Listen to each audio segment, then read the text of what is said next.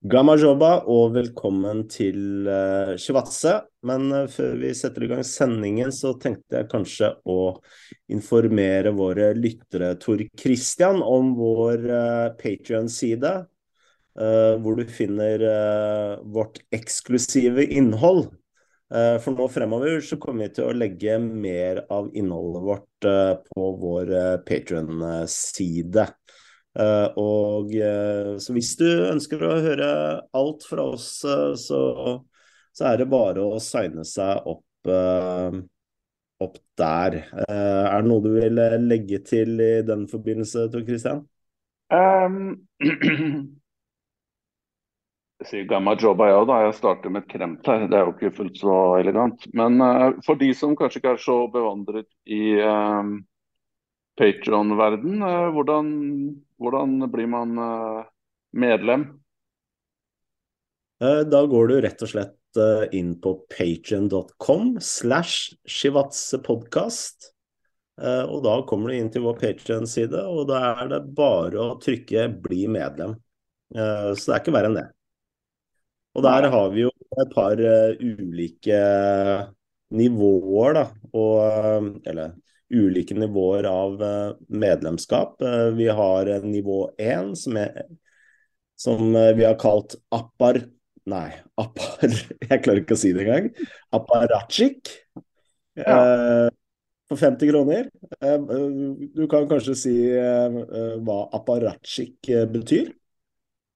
Jeg får bare starte med å si at den på en måte kategoriseringen her, den fortjener kanskje en oppdatering etter um, det som har skjedd i, i eh, på å si, østlige delen av Europa siste året. Og vi, eh, vi, vi lagde jo den profilen her eh, lenge før det. Så, eh, men vi har jo hatt sånn på en måte Sovjet og Georgia Først litt, bitte litt Sovjet, i og med at Chivadze spilte på det sovjetiske landslaget. Det er der det kommer fra, bare for å klargjøre det.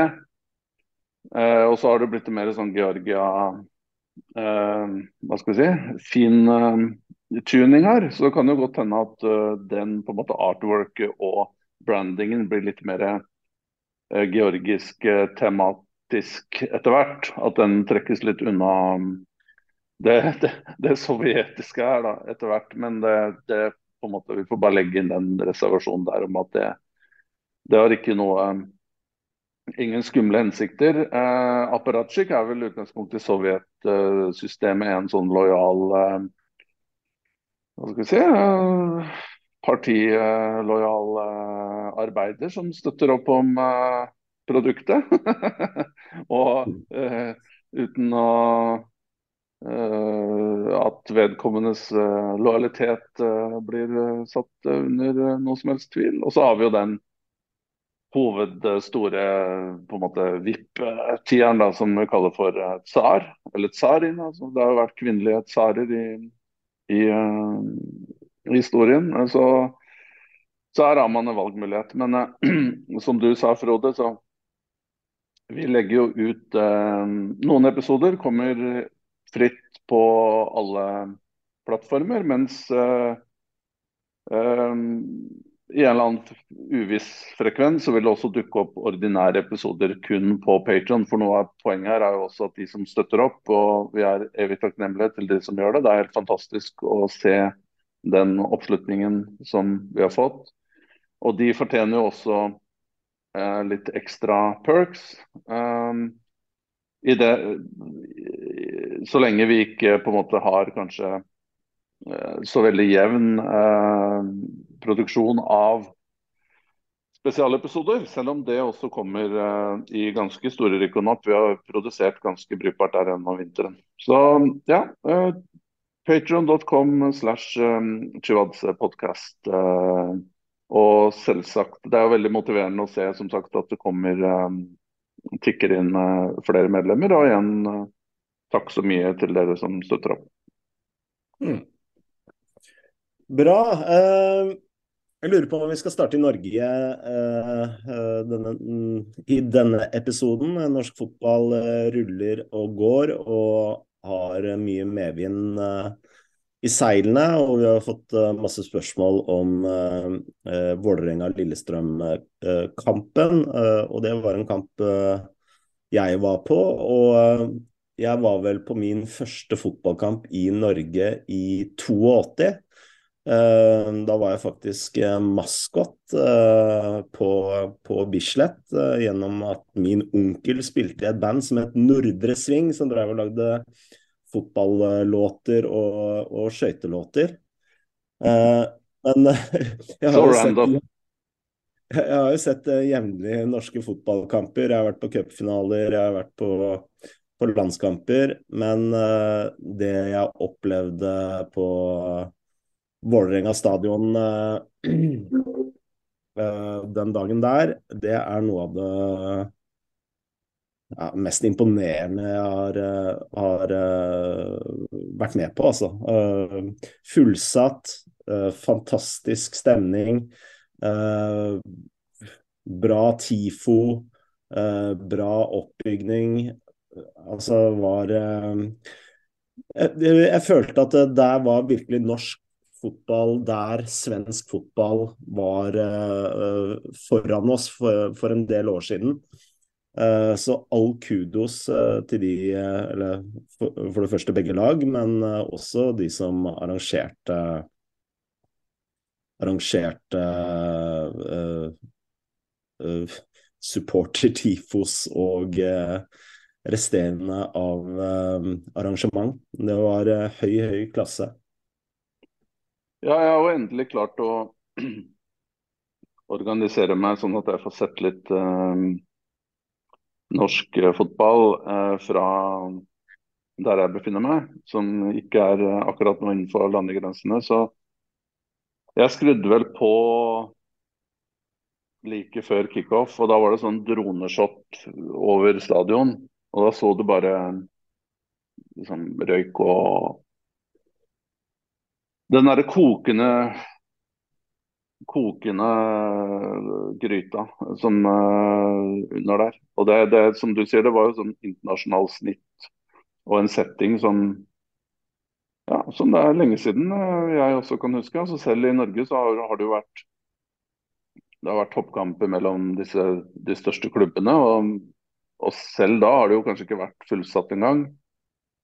Men det her var, eh, det her var helt fantastisk. Og selv på TV så var det en ja, sportslig òg, da, så var det jo en eh, ekstremt appellerende kamp som hadde alt av innhold.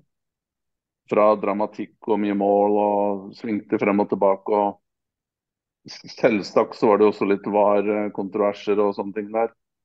Eh, mm. Så vi kan velge å komme inn på eller ikke. Eh, du kan jo styre litt av, av eh, hva, om tematikken rundt den kampen, siden du var der, Frode. Um, så ja, jeg kan forstå det var en ganske fin opplevelse. Kanskje det blir en slags game changer litt her og da. At dette er en motivasjon for alle å se at det er faktisk mulig å, å få til ekstraordinære fotballopplevelser også på norske stadioner. Mm. Uh, vi kan uh, kanskje la VAR uh, ligge ett sekund, uh, og heller komme inn på et spørsmål fra Arvin Sharma, som spør selv om han selv sverger til Premier League, oppleves Eliteserien som spennende og nå entusiastisk. Det er jo ikke tilfeldig at TV 2 nå har tatt over. Var det en tabbe å gi rettighetene til Discovery? hadde norsk fotball vært lengre fremme, både sportslig og kommersielt, med TV 2 hele veien. Uh, og det tenker jeg er et uh, helt uh, legitimt spørsmål å stille. Og det har jo vært oppe til debatt lenger. Og det har jo også sivet ut rykter fra NTF at de, de, selv også mener at det kanskje var en tabbe å Eh, å gi rettighetene til eh, Discovery, men samtidig så eh, var det ekstremt mye penger Discovery eh, landa, på, eh, landa på bordet. Så Og det var jo også en en tid hvor uh, flere norske klubber uh, uh, sleit med økonomien. Så det var jo sårt tiltrengte midler som Discovery kom opp med. Men det er jo ingen tvil om at norsk fotball nå har en vanvittig Altså, når Norges nest største mediehus putter alle sine ressurser for å promotere norsk fotball, så sier det seg selv at det vil være med å løfte norsk fotball enormt. Eh, og eh, man kan jo også stille seg det, eller lage seg det tankeeksperimentet da, om ja, Si om denne kampen hadde gått på, på Discovery. Hadde man fulgt opp Intility? Jeg er usikker. Ja, um, det er jo umulig å svare på. Jeg, jeg, jeg syns jo på en måte som um, Jeg syns jo Discovery også hadde et uh, godt produkt. Um, dyktige, dyktige, mennesker som uh, sto for, um, for produksjonen der. Og så lenge de uh, hva skal jeg si, virkelig satset, da, så var det jo eh, bra, syns jeg. Eh, og så ebba det litt ut på slutten i og med at de, de var i ferd med å eh, miste rettigheten av den siste eh, sesongen.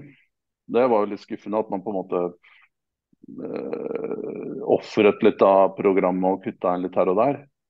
Um, men det er jo klart, eh, TV 2 er en rikskringkaster på, på, altså som kanskje i dag så har jo alle mer eller mindre tilgang til de samme kanalene og samme plattformene og alt mulig. Um, men det faktum at uh, som du sier, at det så at det brukes så store ressurser på det, at det er ute på nettsidene til TV 2 hele tiden hvis det er ting som skjer, at det får eksponering også i, i sportssendingene på kvelden. Registrerer også at de har kommet opp med noen nyvinninger der på både på um, programmer som går jevnt, magasintype programmer som er bra. Um, og podcaster i tillegg, da, som, som uh, Jeg bare husker du hadde en uh, liten uh, episode der med, med, med, navnet på den ene podkasten. Jeg trenger ikke å kanskje gå inn på det, men jeg, jeg, jeg syns jo at det er um, veldig fint at de backer opp produktet med mange andre tilleggstjenester, uh, uh, om du vil, til, til, interesserte. Så eksponeringen blir jo større, og man får flere innslag også på nyhetssendinger. og og Det fører også til at andre større medier, som f.eks. VG, eh, som er en viktig på, pådriver i dette her, at de også uh, bruker uh, gir større plass da, til Eliteserien. Så, mm. så det, absolutt, jeg tror det er positivt. Om, om stadion ble, hadde blitt fylt med en annen kringkaster, det kan ikke jeg svare på. Det eneste som jeg bet meg bitte litt merke var jo at um, den kampen på mandag, var det vel, um, var eh, Eller var det søndag? Jeg, det var, i hvert fall, eh, det var mandag. Riktig, det var 1. mai. Den gikk kun på Play, tror jeg. Ikke på verken TV 2 eller eh, eller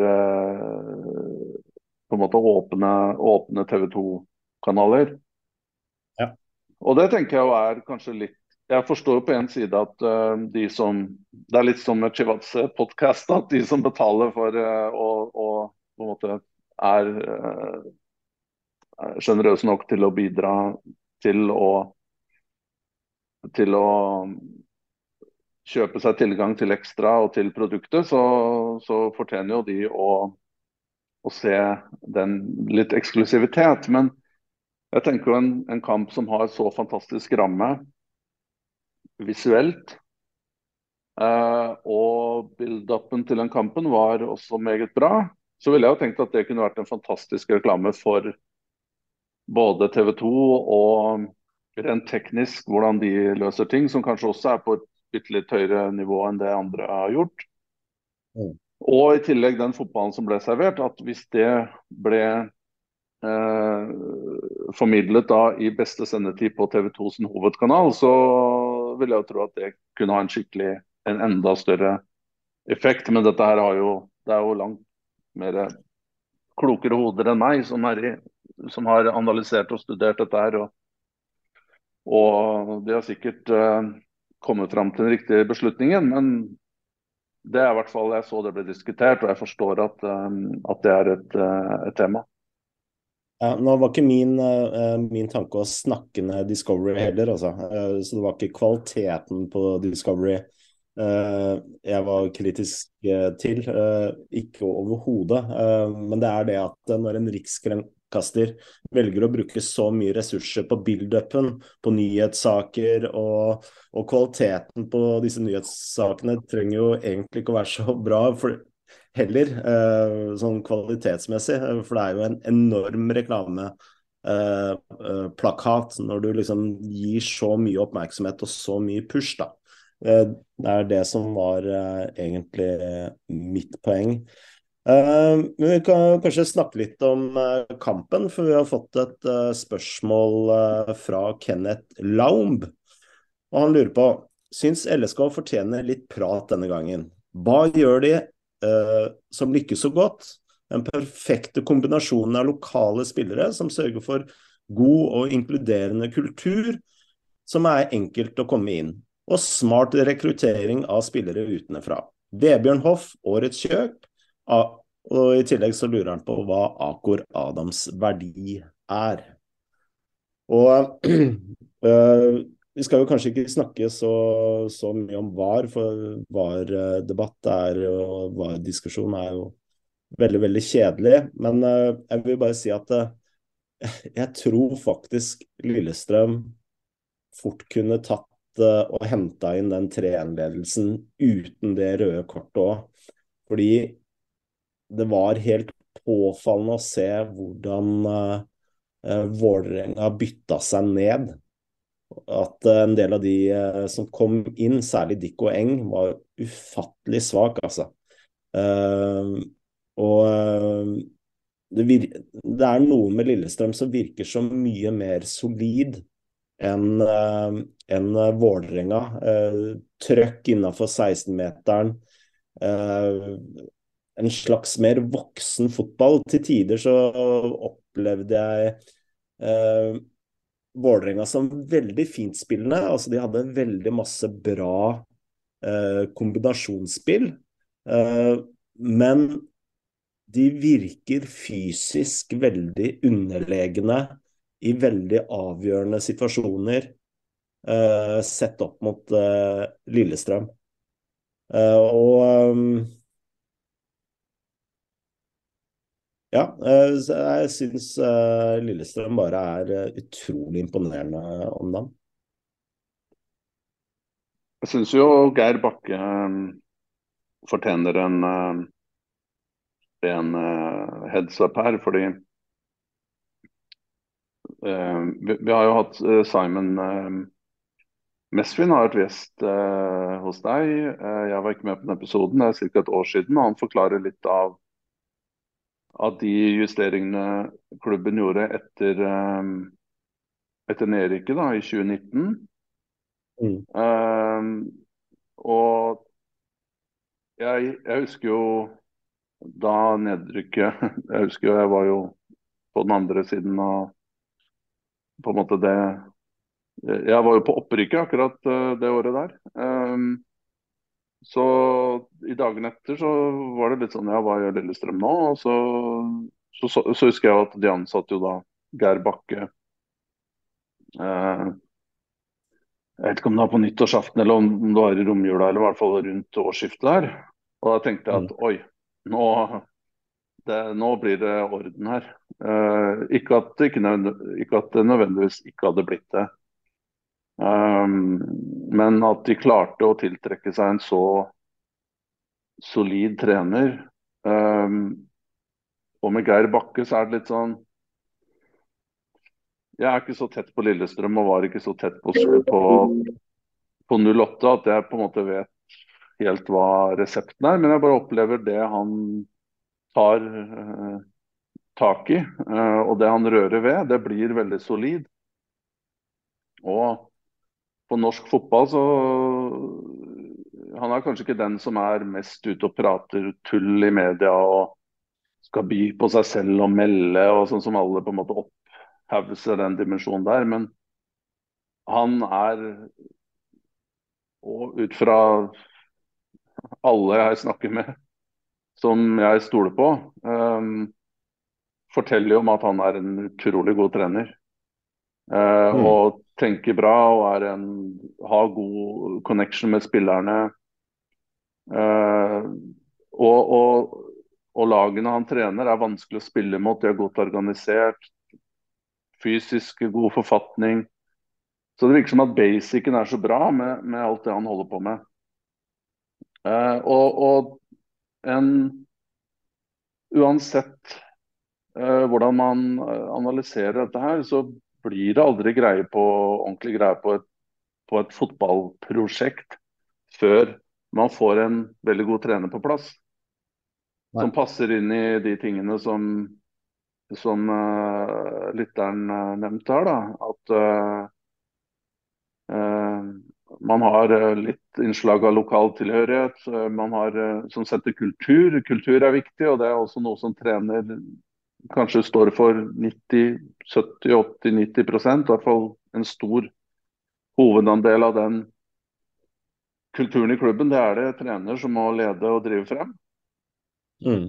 Det er uh, trener som har uh, absolutt mest omgang med spillerne, og som de lytter til, er, det er deres uh, line manager. Så, og når man da i tillegg har Simon Eh, med, som har et veldig godt øye til spillere, som kan markedet veldig godt. Forstår hvor han uh, bør se til spillere. Uh, forstår også, sammen med Geir Bakke, da, hvordan man skal bygge et lag. Um, solide fagfolk, og da, da, da, blir det et godt uh, resultat ut av det. Så det, det, er jo litt sånn kanskje Dette er jo en debatt som har på en måte Det er jo ikke noe i det hele tatt nytt med det jeg sier her. men og Det er jo bare repetisjon at uh, Lillestrøm kanskje hadde godt av det nedrykket. da, sånn på en måte, du må Noen ganger så må du ta et skritt eller to tilbake for å på en måte få igjen få igjen hvilepulsen og foreta en helt klar analyse av det du holder på med. Mm. Og, så, eh. og, så, og så bygge videre derifra. Mm. Eh, det Simon var veldig krystallklar på i den episoden jeg spilte inn med han for litt over et år siden, det er jo den tilliten han fikk fra Morten Kokkim. Og Lillestrøm har i likhet med veldig mange andre norske klubber, også sikkert internasjonalt, men hvor eh, det veldig, har historisk vært veldig mange fraksjoner og veldig mange sterke personligheter som alle skulle hatt ha eh, sin påvirkning på eh, treneransettelser, på spillekjøp osv.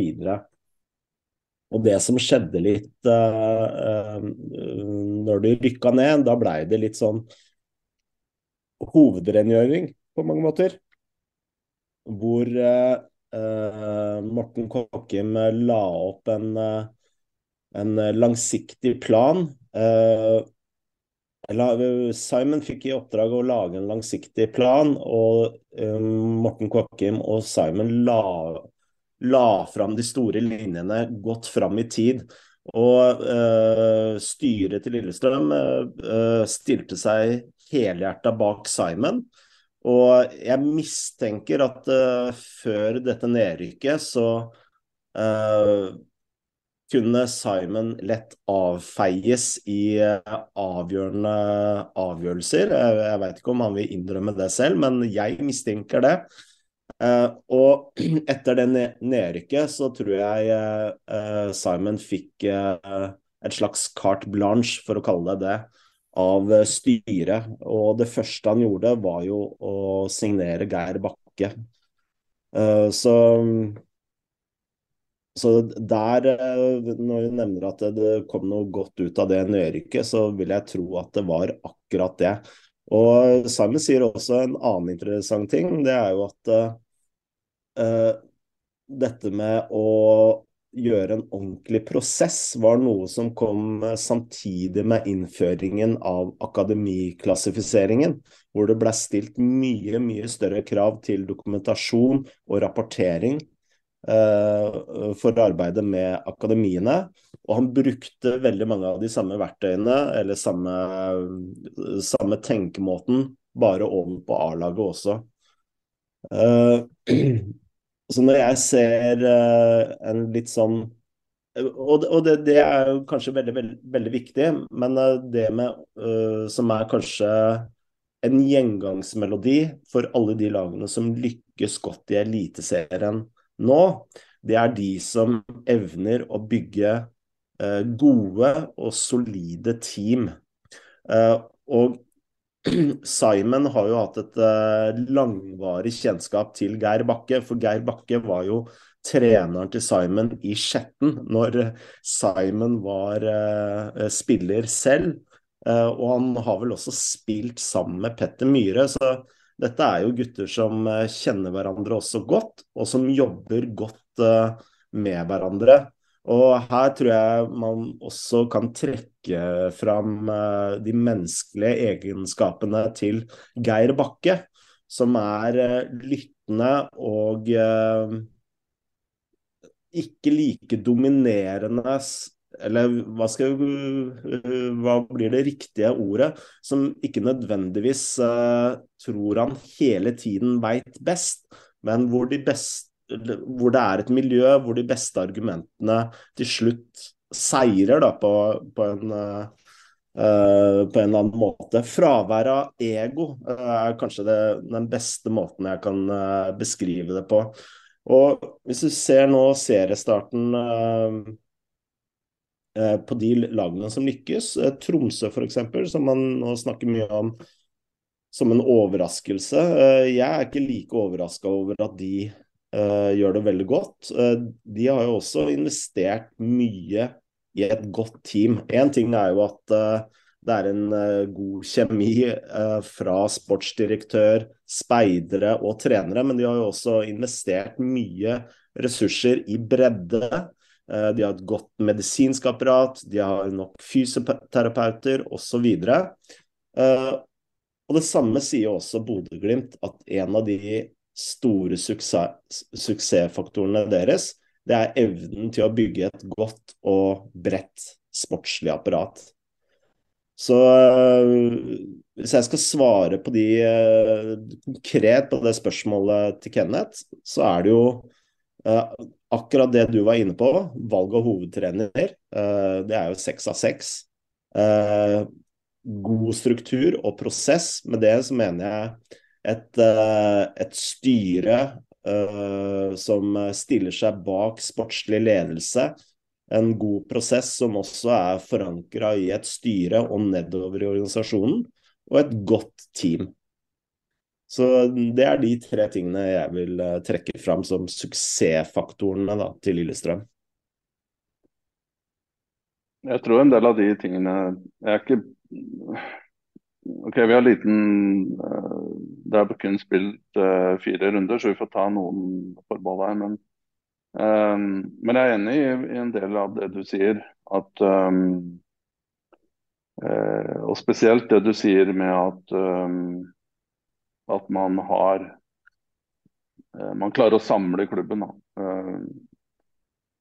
både på styrenivå og at du har selvsagt dyktige mennesker i form av sportslig leder og, og hovedtrener. Det, det, det, må jo til. Uh, og at de snakker samme språk, og at de er uh, på, uh, på bølgelengde. Det er jo klart det nytter jo, du, du, kommer ikke langt med et godt team hvis, du på en måte ikke, hvis ikke det teamet er eh, kompetent. Da. Så det er på en måte Men jeg er jo Ja, jeg er en, ja men jeg, eh, vi, er jo, vi, er jo, enige. Um, men uh, hvis, hvis, du skal se nå, er jo um, Vi har jo snakka mye om Vålerenga i podkasten her, da. Uh, og for å bruke på en måte Og så kan man jo diskutere om du mener at VAR-beslutningen var avgjørende. kanskje delte meninger om det. Um, det får jeg aldri svar på, men uansett, Vålerenga har jo ikke hatt en veldig positiv trend de siste sesongene. Mm. Um, og der har du kanskje uh, antidoten, eller motsetningen til det Lillestrøm, som fremstår som veldig samlet og klar og tydelig. og det er de er ja, Selv om de kommer til cupfinale, så er de på en måte de klarer å holde beina på, på bakken og jobber jobber eh, langsiktig. Mens Vålerenga så har vi jo tidligere vært innom, og dette er jo for uh, alle å lese i, i, i media, at uh, der er det jo kanskje ikke Man har ikke den samme harmonien på styrenivå fra toppen. og Min opplevelse er jo at hvis du skal klare å få til ting på banen, så må ting også, i hvert fall i et lengre perspektiv, så må du Eh, må ting også være ganske harmonisk eh, fra toppen av. Mm. Og det er jo kanskje ikke I hvert fall fremstår det ikke slik da, med, med Vålerenga. Um, hvor er den klubben altså vi, som sagt, vi har jo, Hvor er Vålerenga på vei? Vi har spilt fire kamper. Og, men nå venter altså Rosenborg på eh, til helgen, blir det vel, da, borte på Lerkendal. Eh, og så er det en bortekamp til som er vrien på gresset i, i, i Haugesund. Mm. Eh, så du noe De, tok, de ledet da 3-1. Tok kommandoen i den kampen. Ser du noe her fra den siste kampen der som gjør at man kan være litt mer optimistisk i det korte perspektiv på Vålerenga sine vegne, eller hvordan, hva tenker du?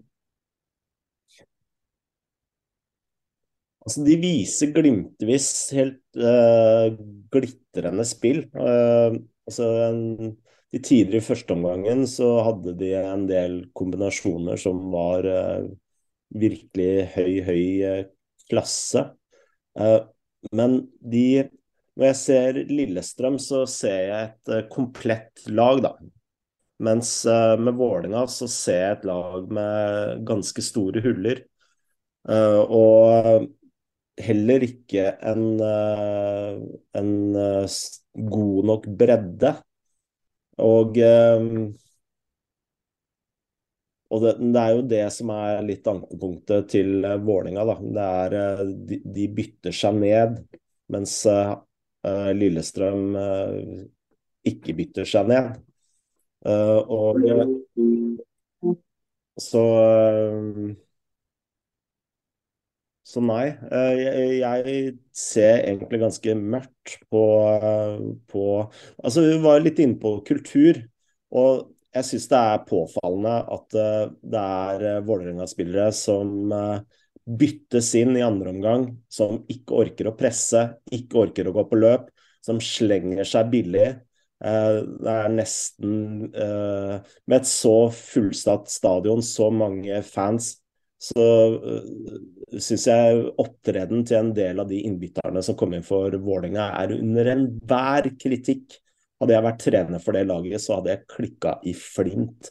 Uh, du ser også på siste målet der hvor uh, uh, man rett og slett bare snur rumpa til. Det skal ikke bli fullstendig Kjetil Rekdal her, men fullstendig på etters, etterskudd i hver eneste situasjon.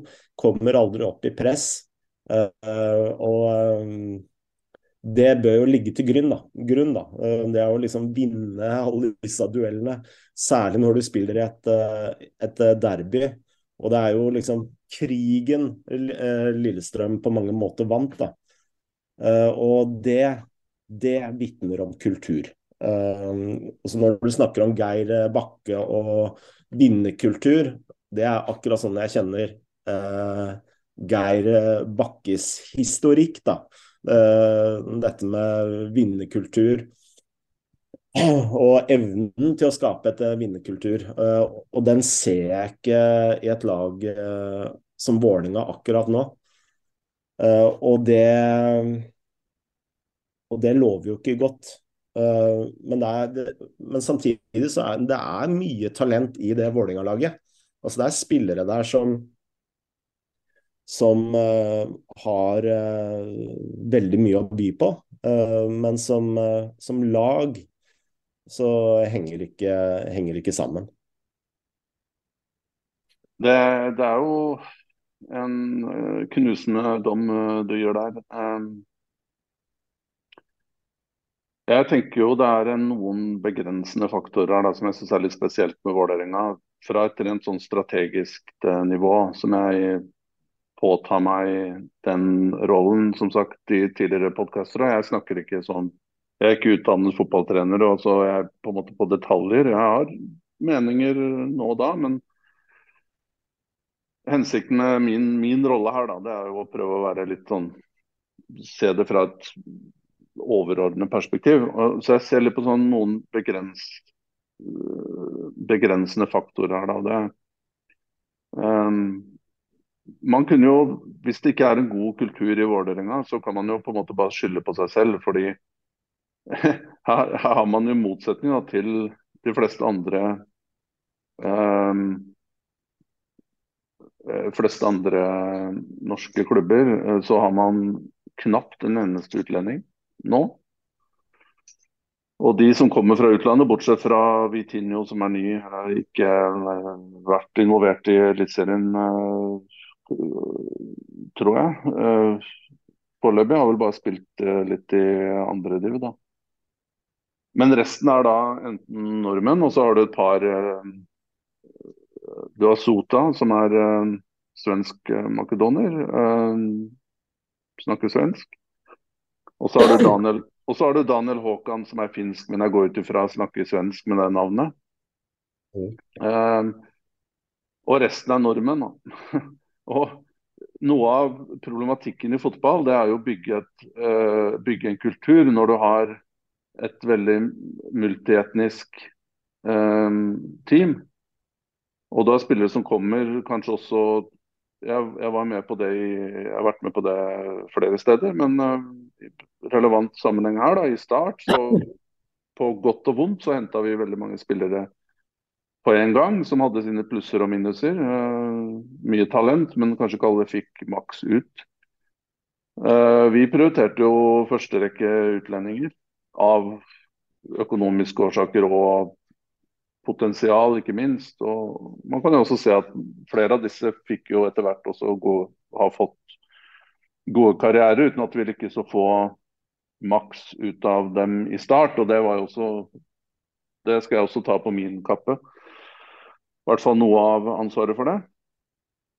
Men da, da, fikk, da, da ser vi jo at den på en måte managementet av den gruppa er, byr på mye større utfordringer enn hvis du kun har norske spillere som tenker likt, er med, i hvert fall innenfor en norske rammer og har ganske lik historikk og preferanser og, og sånne ting. Men i kontra det å ha en multinasjonal, multinasjonell gruppe, mens her i Vålerenga, ironisk nok, så har du, som kanskje er det laget der du kunne uh, Utlendinger kanskje kunne blomstret best, fordi du har bedre jeg tror både ressurser eh, med tanke på menneskelig kapital, da tenker jeg på mennesker som kan hjelpe med integrering av spillere. De mulighetene er mm. mye større i Oslo enn de er i selv i Trondheim og Bergen eller Kristiansand for den saks skyld, hvor du har langt færre på en måte etnisiteter og det er miljøer i Oslo hvor du kan på en måte som kan være støttende til å hjelpe spillerne. og Det er, det er jo klart også spillere som kommer fra andre land. De, de, føler seg jo kanskje mest vel i en hovedstad av de, de enkle årsakene som jeg, jeg har nevnt. Mm. Og da er det jo litt sånn missed opportunity, da, at du ikke vil ha At, at det ikke er en um, ja, Det jeg oppfatter som manglende satsing på det segmentet. Og isteden da så henter man tilbake spillere som har vært i utlandet. Det er ikke billig, fordi de eh, har en mye høyere benchmark på lønn og kanskje sign-ons enn det yngre spillere fra utlandet har. Eh, så det er jo ikke sikkert at regnestykket blir så mye, blir så mye uh, mer uh, vennlig når man henter norsk, nordmenn som har vært og spilt da, i utlandet på store kontrakter. Mm. Så det, det syns jeg er spesielt. Uh, og virker sånn merkelig at Vålerenga skal ende i en situasjon hvor man har den type strategi. Og det, det, det, er for meg et mysterium. Um, og det er ingen unnskyldninger da, at man ikke klarer å bygge en en måte en mye mer solid, uh, solid gruppe uh, enn det man har gjort. Da. Det, er, det er jo selvsagt også mange andre aspekter vi kan gå inn på her, men um, ja. Det, det er i hvert fall min Det er i hvert fall en observasjon da, som som, er, som skiller dem fra hvordan andre lag som har lykkes i Norge, har gjort det. Ja, Det er veldig interessant. Eh, jeg har, ikke eh, jeg har faktisk ikke tenkt, tenkt, over det. Men uh, ja. Men vi Hvis vi går litt videre her Vi hadde jo, hadde jo en fin Segway her. fordi Vålerenga skal jo til Rosenborg. Eh, neste kamp, bortekamp. Det, det ble litt sånn skikkelig eh, cliffhanger for så vidt for begge. Litt sånn sesongdefinerende for begge klubbene. Vi fikk et spørsmål der om Rosenborg, tror jeg, Frode? Ja, det gjorde vi. Eh, vi fikk et spørsmål fra Stig Aasrud. Snakk litt om Rosenborg. Hvor lavt kan klubben godta at måls målsetningene snakkes ned? Ja, det, det, det, syns jeg er et meget godt spørsmål. Ja. ja. Um, jeg, jeg, jeg, ser jo at det er en, en slags um, jeg, jeg, ser noen utfordringer her, da. Um, og det er en uh, tvetydighet om det er det beste ordet, jeg er usikker på, men jeg bruker det som Eller det er noen kontraster da, som er vans vanskelig å få til å matche. Mm. Så På én side så har du da Norges største fotballklubb, mest eh, historiens, i hvert fall moderne historiens mest eh, suksessrike. Eh, fra Champions League på 90- og, og 00-tallet. Til også respektable prestasjoner i, i, um, i Europa siste fem årene. da. Så det er jo ikke på en måte Rosenborg er, er jo fortsatt en royalty i norsk eh, fotballsammenheng. Og med det så kommer jo med historikk så kommer selvsagt forventninger, og det kommer press, og det kommer kanskje utålmodighet.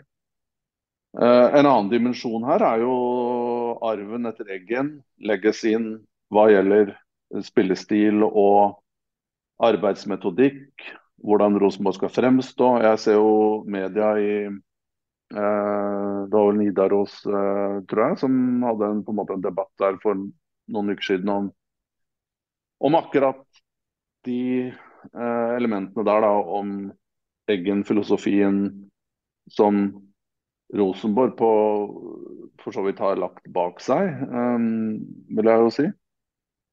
Og hvor den, hvor, hvorfor gjør man det, og alle disse aspektene rundt det.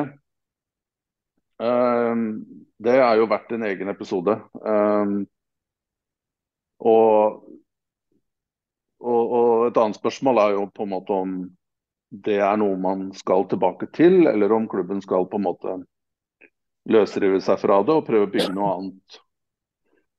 Uh, men alt handler jo om Den uh, Eggen og Eggen Legacy-debatten den hadde jo ikke oppstått hvis, hvis Rosenborg hadde vært eh, fremstått på en bedre måte og hatt bedre resultater.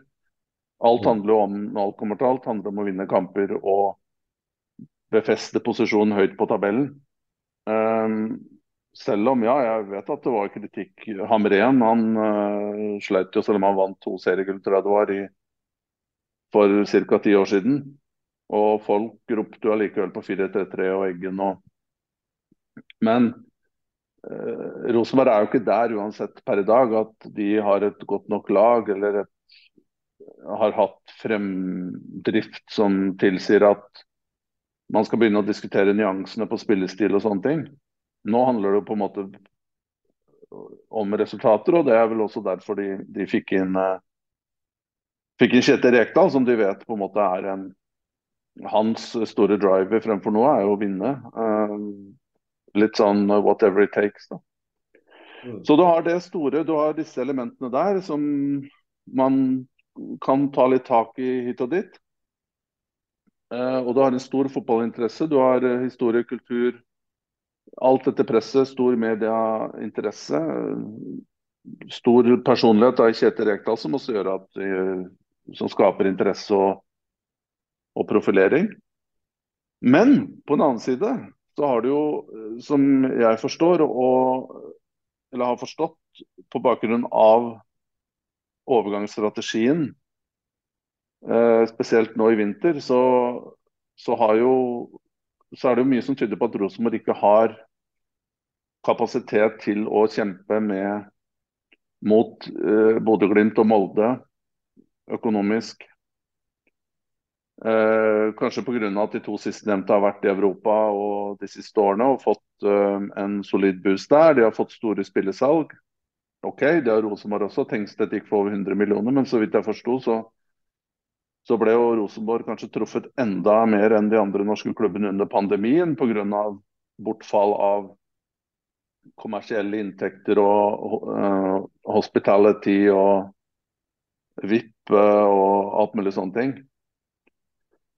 Uh, så, og, det, og, det, ser man jo at Rosenborg på en måte har kommet i en litt sånn identitetskrise, tror jeg, pga. den prosessen. Mm. Uh, og man, men også, så man ser jo, Det er jo kvalitet i det, i det Rosenborg-laget. Og du har spillere her også som har kommet tilbake fra, fra utlandet Uh, og hatt gode karrierer, uten at de nødvendigvis, nødvendigvis kanskje setter så stort preg på Rosenborg som de burde ha gjort. Da. Typ, uh, kan nevne Yttergård Jensen, Pereira har vært i utlandet, Børkeie i Brøndby. Markus Henriksen er fortsatt der, ikke sant. Um, Tagseth for så vidt, da, som, som, var i Liverpool. Men isteden så har man jo da supplert, eller i tillegg så har man da supplert med, med yngre skandinaviske spillere. Eh, jeg så jo For et par runder siden så starta det jo med to islendinger på topp, Ingasson og Torvaldsson. Begge er jo talenter og, og har eh, potensial. Men jeg, jeg, må jo si at jeg skvatt til eh, da jeg så Rosenborg starta med de to spillerne. Og som sagt, ingen forkleinelse. Men eh, Rosenborg er jo ikke en eh, Litt som jeg sa om Vålerenga forrige uke. fordi det alibiet man alltid bruker, hvis det går dårlig, så sier man ja, men vi bruker unge spillere. Og jeg har gjort det selv. Vi er i transition, og det kommer til å gå opp og ned fordi vi er unge spillere. Jeg er like guilty som andre på det punktet der. Og det er til en viss grad et faktum. Men det er et like urokkelig faktum at både Vålerenga og Rosenborg er fotballklubber som forventes å være i toppen av norsk fotball. De er ikke der for å utvikle spillere for å selge. Jo, det er et biprodukt av suksessen. Mm men du kan ikke snu på det og si at jo, vi jobber med unge spillere og det er Remington. Nei, det er det ikke. Remington er sportslig suksess. Du er i en på en måte zero sum game her med 16 lag i Eliteserien. Noen to rykker ned direkte én kvalik. Europaplasser på toppen, mesteren nummer én. Og så gjelder det å havne så høyt opp på den tabellen. Det, det, er, det, det er scopen til eh, Og uansett hva disse fotballtrenerne sier, for å dekke sin egen rygg, så handler det om å vinne. Um, så nå har jeg snakka veldig langt her. Men poenget mitt er at Rosenborg per i dag fremstår som én, en klubb uten noen typiske salgsobjekter. Kanskje Carlo Holse, nummer én, er på vei eh, Er vel skadet nå, da ble, ble det. Og det er jo også en blow. Eh, og så har man nå kanskje Tagseth eh, kan komme seg ut i en Børkeie ditto. Eh, men når Rosenborg, blir på en måte pressa til å hente spillere som har vært ikke har lykkes, f.eks. Leo Chornic i Djurgården, som er en god spiller, men er han en Rosenborg-spiller? Skal han være en eh, På en måte Er han en spiller som kan være med å eh, spille fast på et Rosenborg-lag som skal være i topp top tre? Jeg er usikker. Oskar Aga kommer fra fra Elsborg. ok, Han har kanskje ikke starta kamper, men skårte, to mål på, på en sesong i, i Elsborg hvor han var eh, innbytter. Og har skåret sine mål i Obos uh, i Norge. Det her er jo det, det her er uh, nytt. Her er Rosenborg inne i et uh, nytt territorium, og så henter man også et par finner som uansett hvor dyktig du er til å finne spillere uh, men, å, men å, hente spill, unge spillere fra både Island og, og uh, Finland med VNN og, og Sadiko da, fra Finland, som kommer direkte fra finsk fotball, så vet man aldri Kvalitativt er det ligaer som er langt under den norske. Det betyr ikke at de ikke klarer å skape og få gjennom store ta eh, talenter som går ut og får seg gode karrierer. Selvsagt er det hundrevis av eksempler på. Men allikevel å dytte dem inn på lag som ikke fungerer og sliter, ikke har sterke nøkkelspillere, ikke har kanskje så mye rutine i lagene. Og at de skal inn og løfte disse lagene, være med på et løft om ikke annet, det, det, det, det er umulig. Uh, og, og, og, i tillegg så har man henta spillere gratis fra HamKam, man ha henta spillere fra fra, fra, på en måte, som har vært i Kristiansund. og det, det Rosenborg skal jo ikke være der, det er poenget mitt. Mm.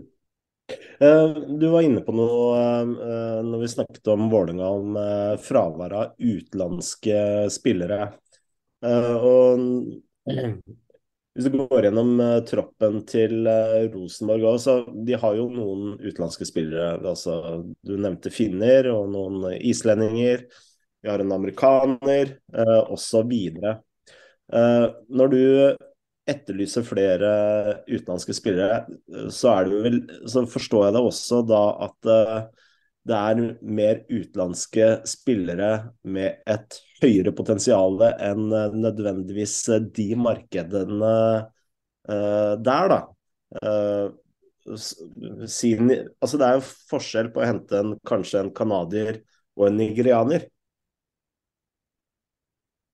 Um, ja, det er det jo. Absolutt. Um,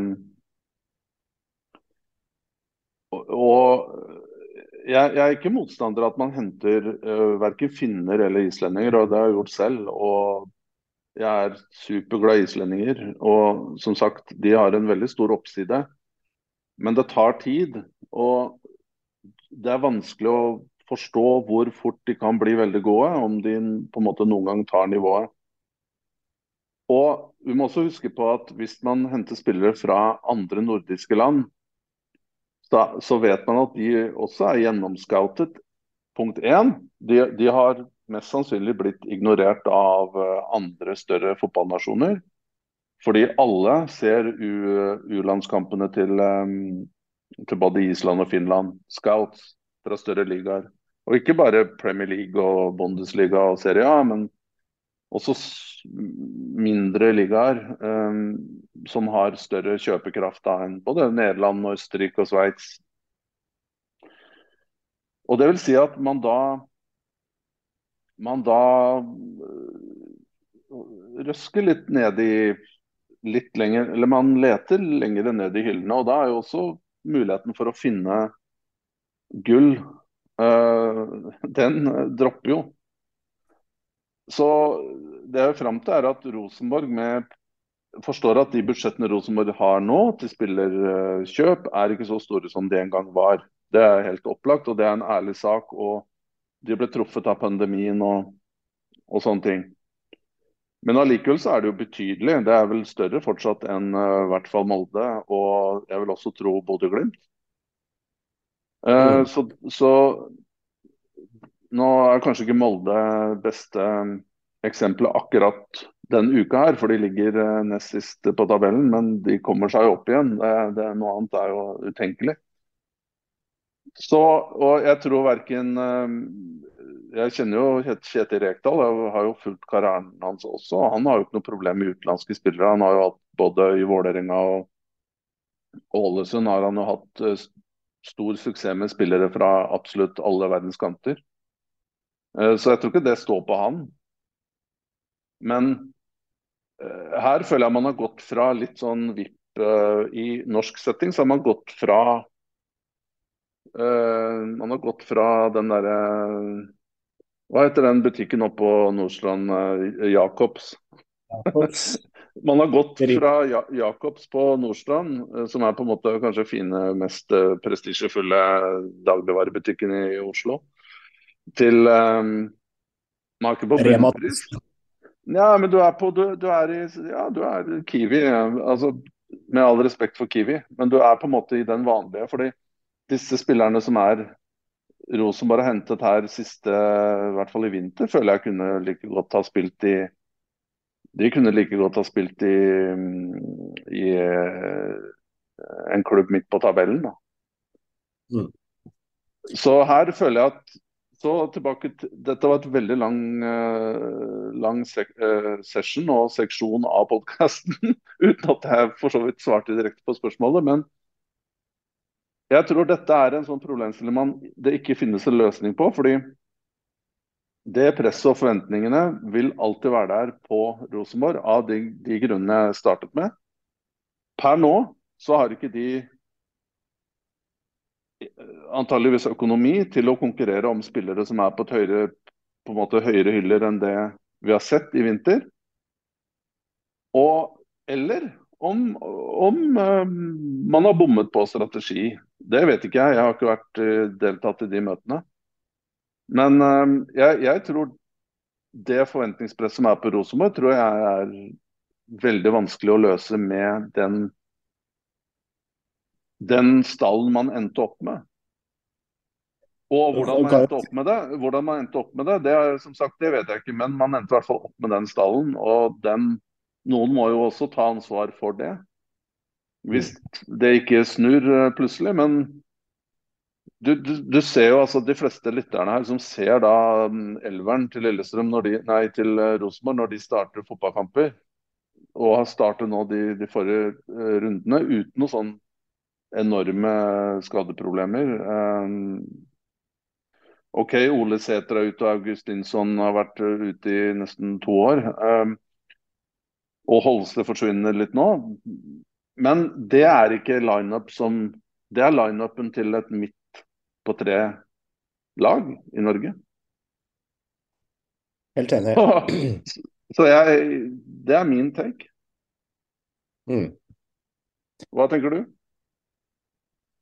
Nei, altså når du snakker om eh, overgangsmarkedet, så er du jo inne på noe. Altså Thorvaldsson han har vel ikke skåret et eneste mål i år. Uh, jeg uh, flakka litt med øynene når jeg så de skulle hente Oskar Aga, f.eks. Ja, han har skåret mye mål i Obos, men når du går gjennom statistikken der, så er jo et uh, betydelig antall uh, skåringer gjort på straffe. Så jeg, med all respekt for Oskar Aga, kjempegod spiller, men Eh, jeg så ikke helt at det skulle være Rosenborg-nivå de henta der. Så jeg er helt enig med, med ditt uh, resonnement. vi har fått et spørsmål om Brann. og spillestilen til Brann. Uh, og Jørn Dale han spør Jeg er utrolig imponert over laget mitt uh, Brann for tiden, skal det kanskje være. Men kunne dere snakke litt uh, rundt denne spillestilen med høyt press? Det ser veldig hardt ut, og lurer på, om, lurer på hvordan det er med tanke på skader, holde formen og mentalt. Er dette levedyktig spillestil, spilles, spillestil over tid? Uh,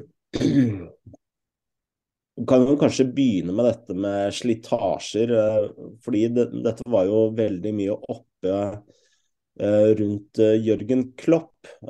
Særlig da han spilte, nei, trente Borussia Dortmund. Og de slet til tider også veldig med skader. Men når spørsmålet gjelder Brann, så er jeg litt sånn usikker på hvor relevant det er, med tanke på at den norske sesongen er så lang, og det er relativt få kamper i forhold til hva et lag i Premier League og Bundesliga spiller. Så jeg tenker at Altså med tanke på det fysiske, at det det ikke er så viktig. Men når vi ser hva Liverpool gjorde, eller hva Jørgen Klopp gjorde med Liverpool, Eh, så justerte jo han presshøyden eh, i hvert fall til å være mer variabel enn det han har spilt med tidligere. Men det handla ikke nødvendigvis om uh, slitasje. Det handla mer om at du etterlater deg eh, sårbarhet eh, i bakrommet bak. Altså en taktisk en taktisk vurdering. Så jeg tenker jo det vil kanskje være, være mer ankepunktet, da, hvis Brann skal gjøre uh, gå på en smell. At de blir tatt kanskje på det taktiske med, mot lag med raske spisser som slår uh, direkte bakrom, f.eks. Uh, ja. mentalt jeg tror heller ikke at det er så mentalt vanskelig, fordi dette er en sånn læringssak uh, for spillerne. Jo mer vant uh, du er til å presse, jo mer går dette på automatikk. Så uh, ja. Jeg husker jo Haugesund-lagene til, til Horneland var jo også veldig aggressive og fryktelig vanskelig å spille mot. Um, prøvde å gjøre noe av det samme med Rosenborg. Men fikk, ja, det, fikk det jo ikke til. Men av helt andre grunner. For der hadde du jo en eldre spilletropp, kanskje en litt mer mett spilletropp, en uh, uh, som kanskje ikke var like lydhør for en uh, ny og ung trener. I tillegg til en annen ting, det er jo at når du trener Rosenborg, så møter du ofte lag som særlig på Lerkendal legger seg veldig, veldig lavt.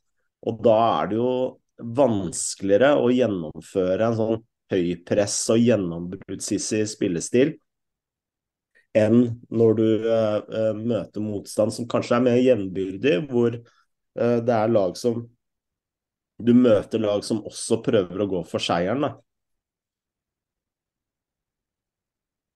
Ja, jeg, det, det, skal jo ikke gå tilbake til Rosenborg, men jeg er enig i at det er, et, det er en issue at hvis du eh, Du så jo selv Rosenborg mot Sandefjord, jeg kikka litt på den kampen. Um, og Eh, Rosenborg fikk jo med seg et poeng der til slutt, fortjent nok. Eh, tanke på dominansen og, og ballinnehav og uh, statistisk sett så var vel det fortjent.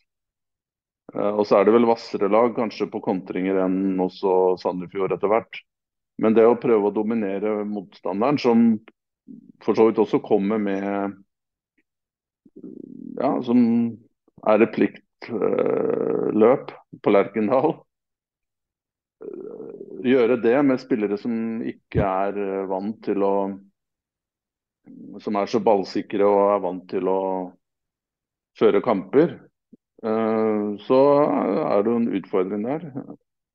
Brann er enig, enig i resonnementet ditt at hvis det er ett sted i verden hvor man faktisk kan klare å gjennomføre en ekstrem offensiv, eh, på en måte aggressiv spillestil, presse høyt, eh, så er det i Norge av de grunnene som du sier. Det er en kort sesong, det er 30 kamper.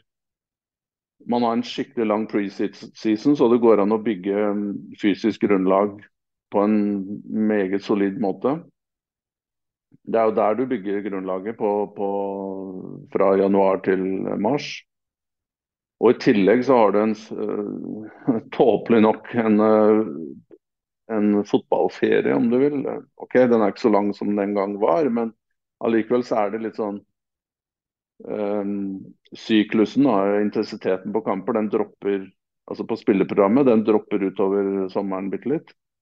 Som gjør det også enklere å ta seg inn igjen. Og, og, og så er det OK, det er litt Europa og sånne ting eh, kommer inn der. Men man har også sett Bodø-Glimt som på en måte har klart å befeste en ganske ressurskrevende spillestil og lykkes med det.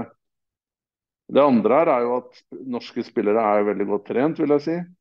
Generelt. Disiplinerte. De gjør det de, de får beskjed om. De kanskje ikke spiser kanskje ikke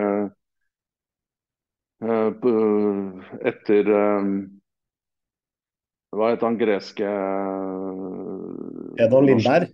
Ja, greske norske matguruen. Spiser kanskje ikke etter kokeboka hans hele uka, men hvis jeg ser norske spillere kontra uh, mange andre uh, mange andre spillere rundt om i verden, så tror jeg norske er medgjørlige til å um, bli med på, på, den type spillestil. Mentalt uh, igjen tror jeg kan knyttes bitte litt opp til det fysiske, med tanke på at spilleprogrammet, spesielt for Brann, som ikke er Europa, um, og cupen, ok, nå har de en cupfinale og så har de noen cupkamper. Det drar seg jo ikke ordentlig til før på høsten uh, igjen, da. Uh, eller sommeren. Så det mestrer, mestrer de jo. Uh, og så får vi se hvor lenge de hvor lenge Horneland sin stemme er, er hyggelig å høre på. da. Det, det, uansett hvor god trener du er og gode ideer, det er jo kommunikasjonen og formidlingen som at den vedvarer, som er viktig. Eh, men eh, det som er bra, er at de fikk igjen et år i Obos på å eh, på å bli enige om et løp som de står ved. De har sett at det gir suksess, det gir resultater. De bare, i mange tilfeller, i hvert fall i Obos, de bare feier totalt over motstanderen. Og de kjenner seg sterke. De vet at dette konseptet her er, er, godt, og det passer laget.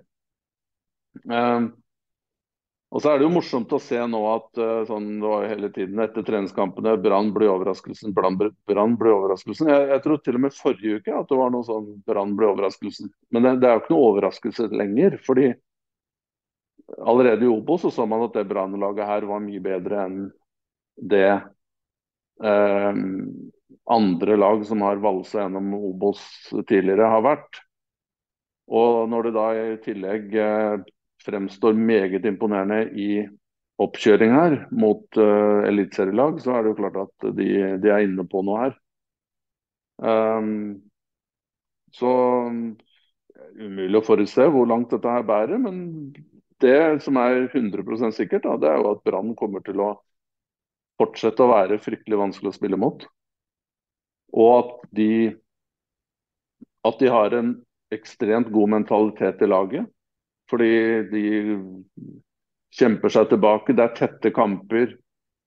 Det er du, dette er ikke et lag som kommer til å tape. Jeg vet de tapte 2-0 for Odd, men det er ikke et lag som kommer til å gå på store smeller. For det er så solid og fysisk robuste spillere. Så og de har fått en god keeper i tillegg. Det har vært uh, problemer på keeperplass der i mange år i, i Brann. Nå har de løst det, i hvert fall i norsk sammenheng. Så er Dyngeland en En veldig god keeper, syns jeg i hvert fall. Så jeg tror uh, dette her jeg, jeg, ser ingen sånn voldsomme utfordringer med at uh, med at dette her plutselig skal butte. Men det er klart, jeg er også enig i at som med de fleste andre lag i Eliteserien, så er det plasser som er mer uh, sårbare for skader. da. Spesielt kanskje på topp angrepsposisjoner. Som gjør at uh, man kanskje må gjøre noe på, på overgangsmarkedet i, i, i juli og august. Men der har også Brann vist seg som ganske kompetente etter uh, danske sportssjefen sin uh, inntreden. At det kan jo også være noe de løser greit. Mm. Bra. Du nevnte keeper. Jeg tenkte bare å nevne at uh, Leopold Balseth uh, ryktes nå til både Liverpool og uh, Manchester United, og det er jo godt Eller det er jo gode nyheter for, for, norsk fotball at vi klarer å produsere svensker som vi selger ut igjen. Jeg lurer på om vi skal si to ord om Premier League, fordi der har skjedd noe nytt i var det i dag, eller var det i går? Eh, gode, gamle Sam Allardyce eh, tilbake i manesjen eh, i Leeds. Eh, og da har de da sin tredje manager i løpet av sesongen. Eh, er du overraska, eller? Jeg er ikke overraska over at de har fått sin tredje manager, fordi uh, verken um, Jesse Mars eller uh, Javi Gracia fremsto som ikke som overbevisende kandidater i mine øyne, i hvert fall. Eh, som kanskje er litt spesielt da med Leeds, men det er klart det er sånn Dette er jo unntakstilstand. Litt som Everton med Sean Dyche. Uh, man det, er litt spesielt det som skjer nå i England. At man, man har en sånn rar blend av at man eh, Det er veldig mange som vil fremstå som veldig sofistikerte og gjøre ting på sin egen måte. Hvilket er positivt. Og som har klare konsepter. Her, her har man sett at Leeds har tydeligvis tatt inspirasjon fra, fra Red Bull. Eh, måten de spiller fotball på. De har henta mange spillere fra Red Bull-systemet. Eh, og den type spillere. Um, det at det er amerikansk bromance, kanskje pga. at det er vel nesten halvparten av klubben, det er vel minoritetseierne, Det er vel San Francisco 49ers som, som eier. Um, så det kan jo hende at de har blitt hørt her, men samtidig de som har kommet fra, med amerikansk pass, har jo også vært på en måte spillere med på en måte den makeupen som som um, litt sånn Red Bull-makeup. Mm. Så her har man hatt klar, klare på en måte, ideer om hvordan man skal drive frem klubben og, og spille fotball. Uh, det, det, det, er ikke nødvendigvis Jeg hadde vært mer bekymra om uh, for så vidt Allardyce tok over uh, Everton da, igjen. Fordi der har de jo ikke spillere Ja, kanskje noen, men Um, sånn rent kollektivt så fremsto det Leeds-laget som I utgangspunktet så skal det være et, et lag som er fysisk godt rusta. Så forstår jeg at de har ikke fremstått som det i år.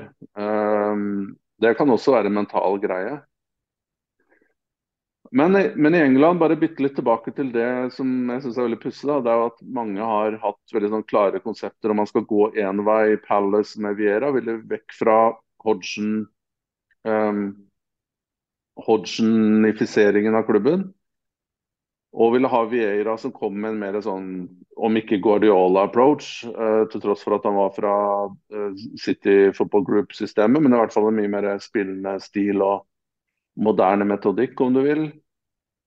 Og så går man på noen tap. Man gikk flere kamper uten å skåre mål, og så måtte Vieira gå. Og så ser man også at når nedrykk begynner å bli en faktor, så kaster man disse prinsippene over, over, um, over bord og, og, gjør noe diametralt motsatte. Mm. Så så og, og, så er det noe rart da med bl.a. Litt Leeds. Southampton i særklasse, hvor man på en måte har litt sånn kasta i perioder at man slutta å tro på at trenere kan utgjøre en forskjell. At man midt i nedrykkskampen, altså i Southampton, så sparka man jo eh, Hasenhotel og, eh, og installerte en britisk trener. Eh, lykkes ikke med det, og så bare ble man ved assistenten og tror at det på en måte skal være løsningen. Mm. Uh, og litt det samme da i, i Leeds, hvor man henta en, en uh, spansk trener, eh, Gracia, uten noen nevneverdig suksess. Og så har man prøvd det, og da er man litt sånn last uh, saloon, da. hvor man går tilbake til disse arketypene, som jeg kaller det. Um, de går tilbake til på en måte basics. Og da har man kasta alle kortene, og så du får ta over og gjøre vi, vi, har ikke noen flere løsninger her. Så prøv du, for vi får ikke noe greie på dette her. og Det har man jo sett både i Southampton og, eh, og i eh, Leeds, at sportsdirektørene har jo også måttet eh, takke for seg. Jeg vet ikke om Southampton om det var resultatrelatert, eller om det var tilfeldig at han gikk før jul. og Nå ble han vel sjef i US Soccer, tror jeg, som teknisk direktør der. Og det er jo en fin, fin måte å bounce tilbake på. Men i hvert fall Victor Orta, som lenge var genierklært i Leeds etter opprykk, var kanskje um, mye takket være Bielsa, selvsagt, som fikk ordentlig fart på den klubben. Og så ser man at kanskje når han fikk frie tøyler, så falt dette her litt sammen. Og han måtte vel også gå i, i, i dragsuget av, uh, av Gracia, da. Mm. Men, uh, men, dette er jo hvem som akkurat rykker ned nå. Nå ser man jo at Bournemouth er safe. Wolves er kanskje mer eller mindre safe, men det er vel de lagene fra 15 og ned til 20. Westham, uh, Leicester, Leeds, Nottingham Forest, Everton, Southampton, som nå på en måte er fortsatt i nedrykksstriden. De fire-fem kampene som står igjen der, trenger, trenger ikke nødvendigvis å handle så mye om strategi. Det handler jo om der og da å klare å presse nok ut av spillerne uh, i de få kampene som gjenstår, og så tar man en ny runde igjen på sommeren. Men mm. allikevel så er det jo påfallende, da. Jeg har jo gitt min take på prosessen, og hvorfor man havner i en situasjon hvor man ender til viss grad på Sean Dice Everton og Allardyce da i, i, uh, i, Leeds. Fordi man på en måte har prøvd alt annet, og så går man tilbake til stein. man, man, går tilbake til på en måte elementene her, da. Trygge eh, gamle. Moralen ja, her er og man kan jo også stille seg spørsmålet hvis Neil Warnock ikke hadde vært i Huddersfield, så kan det jo være at han hadde fått en jobb også. Hmm. Det er rart eh, Harry Rednap uh, fortsatt er pensjonist. jeg ser han dukker opp litt på Sky Sports i, i tida og utida, og har noen seanser med sønnen uh, sin der, som for så vidt er ganske interessant å høre på. Ja, så Apropos, hvis du, har du fem minutter til, Frode, eller er du klar for å ta deg bad? Ja, absolutt. Jeg så bare Apropos pundit, så fikk vi også et spørsmål om uh, om det emnet der. Har du det i uh, handy? Uh, ja, det har jeg. Uh, det har jeg notert her. skal vi se her. Martin Ørbekk han spør av ren nysgjerrighet. Vurdering, ranking av pundits i Norge og internasjonalt. Fikk med meg at TK var frustrert over Gary Neville og Jamie Carriger hylles som gullstandard. Du har vært kritisk, TK. Hva Jeg skyldes denne kritikken? Jeg er jo ganske mild jeg i uttalelsene mine, er jeg ikke det? Um, Det er jeg som er elefanten i glass, eh, glasshuset. ja, porselensbutikken til og med. Um, jeg syns det er interessant å, å prate litt om det. Uh, vi skal ikke bruke altfor mange minutter, for jeg må snart ut i den ville bykjernen her. Men uh,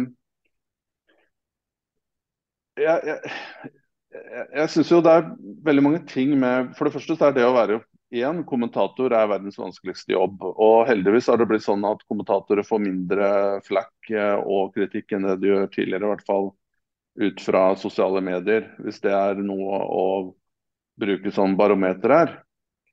Uh, og jeg kunne i hvert fall aldri klart å kommentere en fotballkamp med riktig tonefall og nivå av begeistring og skuffelse, og prøve å ikke reise stemmen for mye når når det ene laget angriper kontra det andre osv. Det er en umulig oppgave, og jeg syns veldig mange er dyktige. Um, men det var ikke kommentatorer vi skulle snakke om, så jeg er litt usikker på hvorfor jeg brakte opp akkurat det. Men uh, når det gjelder Carragher og Neville, så, så vil jeg si at på en måte at det er veldig De er ekstremt gode formidlere. Og de har alt det på en måte propsene hos Sky der med disse skjermene og produksjonen er helt liksom drømmeland, ikke sant. Mm. Um, og det de klarer å levere som på en måte soundbites um, formulerer seg ganske bra. Um, men det de presterer på, på Twitter, hvor de viser kanskje en annen side av seg selv, det syns jeg er uh, høyst betenkelig. og, og, ekstremt lav kvalitet på. Og jeg blir jo også litt sånn De mestrer det med formidling, underholdning.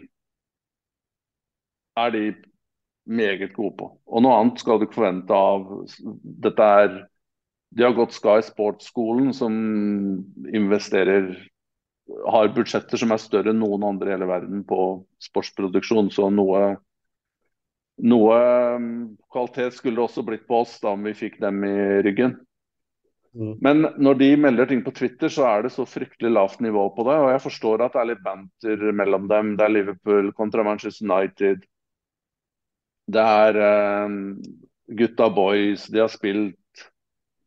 Men det er, det, det er liksom barnehage noen ganger, syns jeg. Mm.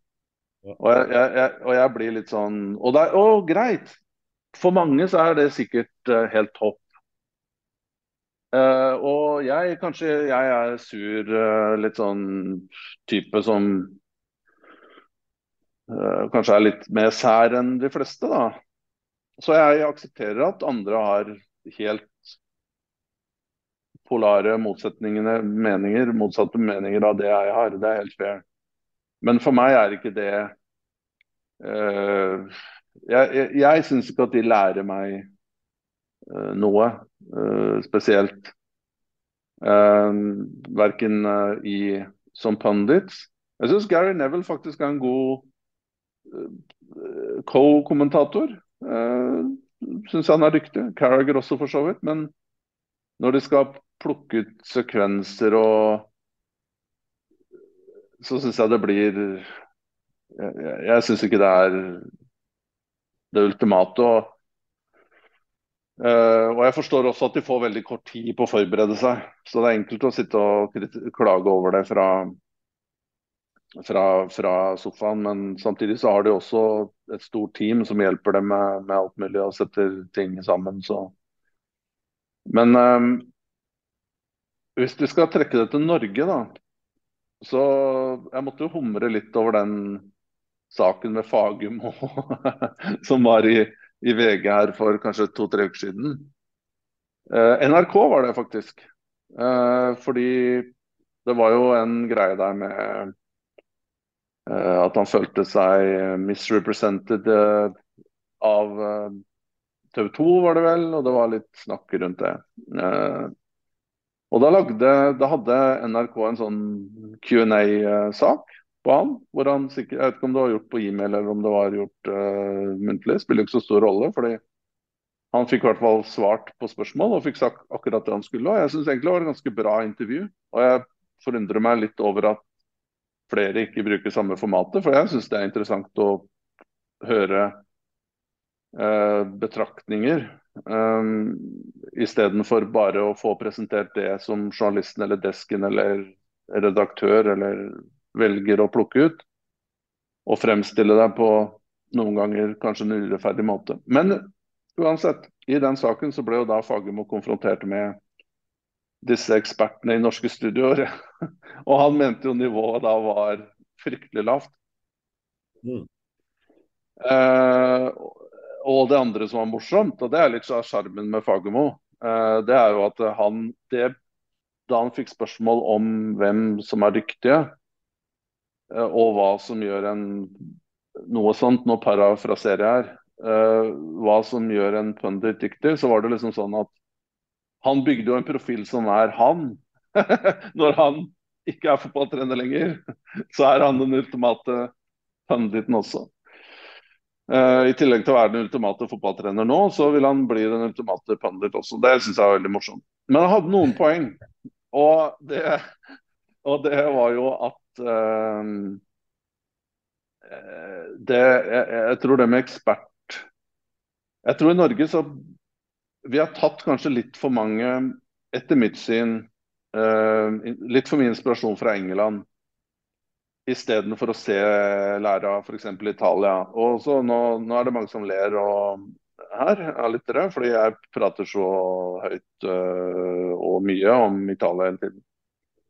Men at man Det er så stor overvekt på underholdning at alt skal pakkes inn i underholdning. Ramme rundt kamp, bygge opp kamper. Ja, selvsagt. Dette er et produkt som skal bygges opp på en kommersiell måte. Og det skal være humor, vi skal ha glimt i øyet. Alt det der er, er vi 100% enige om. Og i kampen selvsagt også så skal du kommentatorer og eksperter også med på å gjøre atmosfæren spesiell på en positiv måte. Jeg tror allikevel det kan være smart å nedfordumme. Eh, eller på en måte, om ikke intellektualisere, men i hvert fall fokusere litt mer på kvalitet av analyser og betraktninger fra studio. Eh, på bekostning av underholdning. Fordi fotballen er ikke lenger som du var på 90-tallet eller 00-tallet. Folk i dag, jeg opplever er mye mer, mye mer opptatt av å lære, av å av det stoffet som blir presentert til deg, at det er noe du kan få deg til å tenke, vurdere At praten er på et høyt nivå. Da. Det er det du forventer av det som kommer. Det, men i Norge føler jeg at alt skal pakkes inn i underholdning. Mm. Og det andre her, det er jo at i Norge så har man den der merkelige fotballekspert. OK, hva er det? Eh, det mener jeg alle redaksjoner burde ha satt seg ned og definert. Eh, fordi i Norge så er til og med Jeg sier ikke at fotballkommentatorer for å ta et eksempel, at de ikke er fotballeksperter. De har sett tusener av kamper og har selvsagt meninger. Eh, og kan for all del gi en god analyse av situasjoner jeg sier ikke det. Men jeg tror allikevel det er greit å lage litt skille mellom rollene her. I andre land så ville du ikke fått en uh, sak i media på f.eks. om det er Premier League eller om det er en vurdering av norsk uh, fotball, om en overgang er en god overgang, og så ringer man en kommentator. Fotballekspert så og så. Det mener jeg er eh, veldig spesielt og veldig norsk. Det vil man ikke se i andre land. Eh, så forstår jeg også at media at det er en verdi av å få en mening fra en person som er kjent og er assosiert med produktet. Men allikevel så er det jo kvaliteten på informasjonen her som må være nøkkelen, mener jeg. Og der mener jeg man ikke er dyktig nok til å screene de kanskje menneskene som har den beste kompetansen til å til å vurdere om det er taktiske betraktninger, om det er overgangsmarked, om det er strategi, om det er andre ting. Det er veldig veldig willy-nilly i Norge. Det er, liksom, det, er, det er, ingen som har et klart konsept å jobbe ut ifra, synes jeg, i noen spesiell grad. Noen unntak er det, men i det store og det hele så er det veldig sånn flytende. Det er min vurdering av det, Frode. Jeg tror det får bli våre siste ord. Eh, jeg eh, starta jo tross alt et fotballmagasin for å opphøyne fotballdebatten eh, her i landet. Og det fikk du til, Frode. Både startup og heving av, av um, ordskiftet, vil jeg si. Ikke bare, si... jeg, ikke bare, fordi jeg, skrev en artikkel en gang for tolv år siden. Fra Georgia, faktisk. det er helt riktig. Bra. Eh, dette får bli de siste ord. Eh, vi sier som vi alltid sier, gamma joba og på gjenhår. Og gå gjerne inn på vår Patrion-side og få med deg alt nydelig fotballstoff fra Shivatse.